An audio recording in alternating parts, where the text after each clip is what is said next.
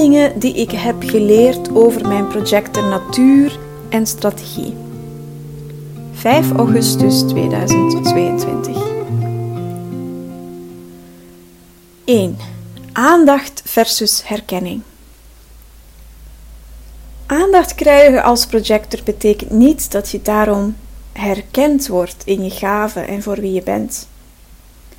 Ik heb aandacht vaak verward met gezien en herkend worden.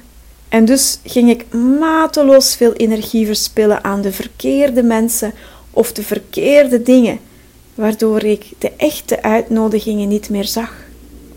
Daar is die bitterheid weer. Er was een tijd waarin ik altijd ging reageren wanneer ik aandacht kreeg, vooral op social media. Als iemand een berichtje postte op mijn profielen of een reactie plaatste of mij een DM stuurde, dan ging ik daar quasi direct op antwoorden.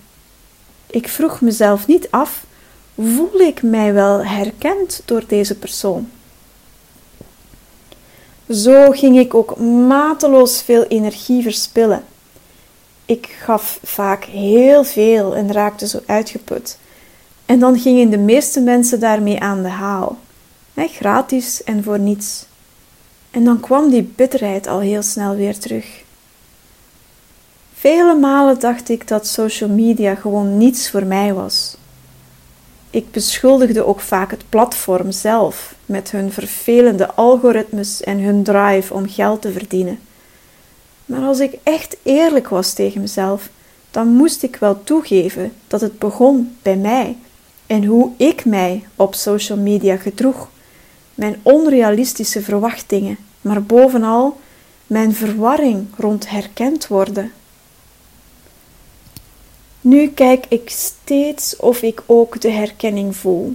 En dan is er natuurlijk ook nog mijn autoriteit die er zijn zegje in wil. Wanneer de herkenning er is en mijn autoriteit geeft groen licht, dan voelt het helemaal niet als energie verspillen. Dan gaat het eerder moeiteloos. 2. Vertellen versus vragen stellen. Niemand wil een projector die zegt wat je moet doen, die zomaar advies geeft en zich bemoeit met jouw zaken. En al zeker niet ongevraagd. Wat ik heb geleerd is dat de beste manier van gidsen vragen stellen is. En laat de mensen zelf tot inzicht komen. Zo gids je ook echt de energie en breng je energie bij de ander in beweging en respecteer je hun autonomie. En bovendien vermijd je zo co-afhankelijkheid. Ja, want het is erg verleidelijk om gewoon maar te gaan zeggen wat ik zie. En dat is typisch zo'n projectording. We zien veel, omdat onze aura zich focust op de ander, op de wereld om ons heen.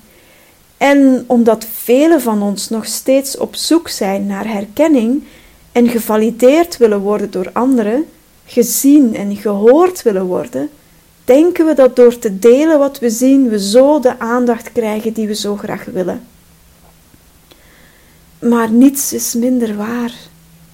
Niemand zit daarop te wachten, of toch heel weinig mensen.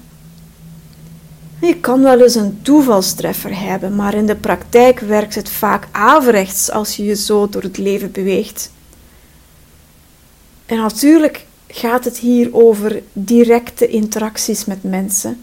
Ik heb het niet over iets delen op je eigen platform. Jouw platform is jouw platform natuurlijk. En mensen kiezen ervoor om bij jou te komen lezen, luisteren of kijken. Maar wanneer het gaat om iemand iets te vertellen, dan merk ik dat vragen stellen veel beter werkt. Bij generators en manifesting generators gaat het dan ook om ja-nee vragen stellen, om te kijken of hun sacraal ervan aangaat. Je leidt de energie via de slimme vragen die je stelt, waardoor mensen amper doorhebben dat je hen eigenlijk aan het adviseren bent. En zo komt je aura wat zachter binnen voor veel mensen. En dat schept ruimte om open te staan voor wat jij hen te vertellen hebt. Nu kan het ook zijn dat een zachter binnenkomen misschien niet in jouw design zit.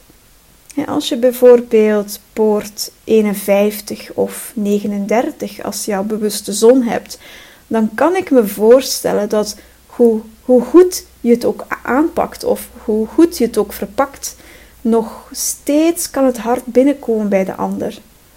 Het gaat hem dan ook niet over compromissen maken of aan people pleasing doen. Het gaat hem wel over de energie van de ander inschatten, iets wat je als projector heel goed kan, en hen te leiden naar hun eigen waarheid, eerder dan met jouw waarheid te gaan overtuigen. Bovendien is niet iedereen correct voor jou.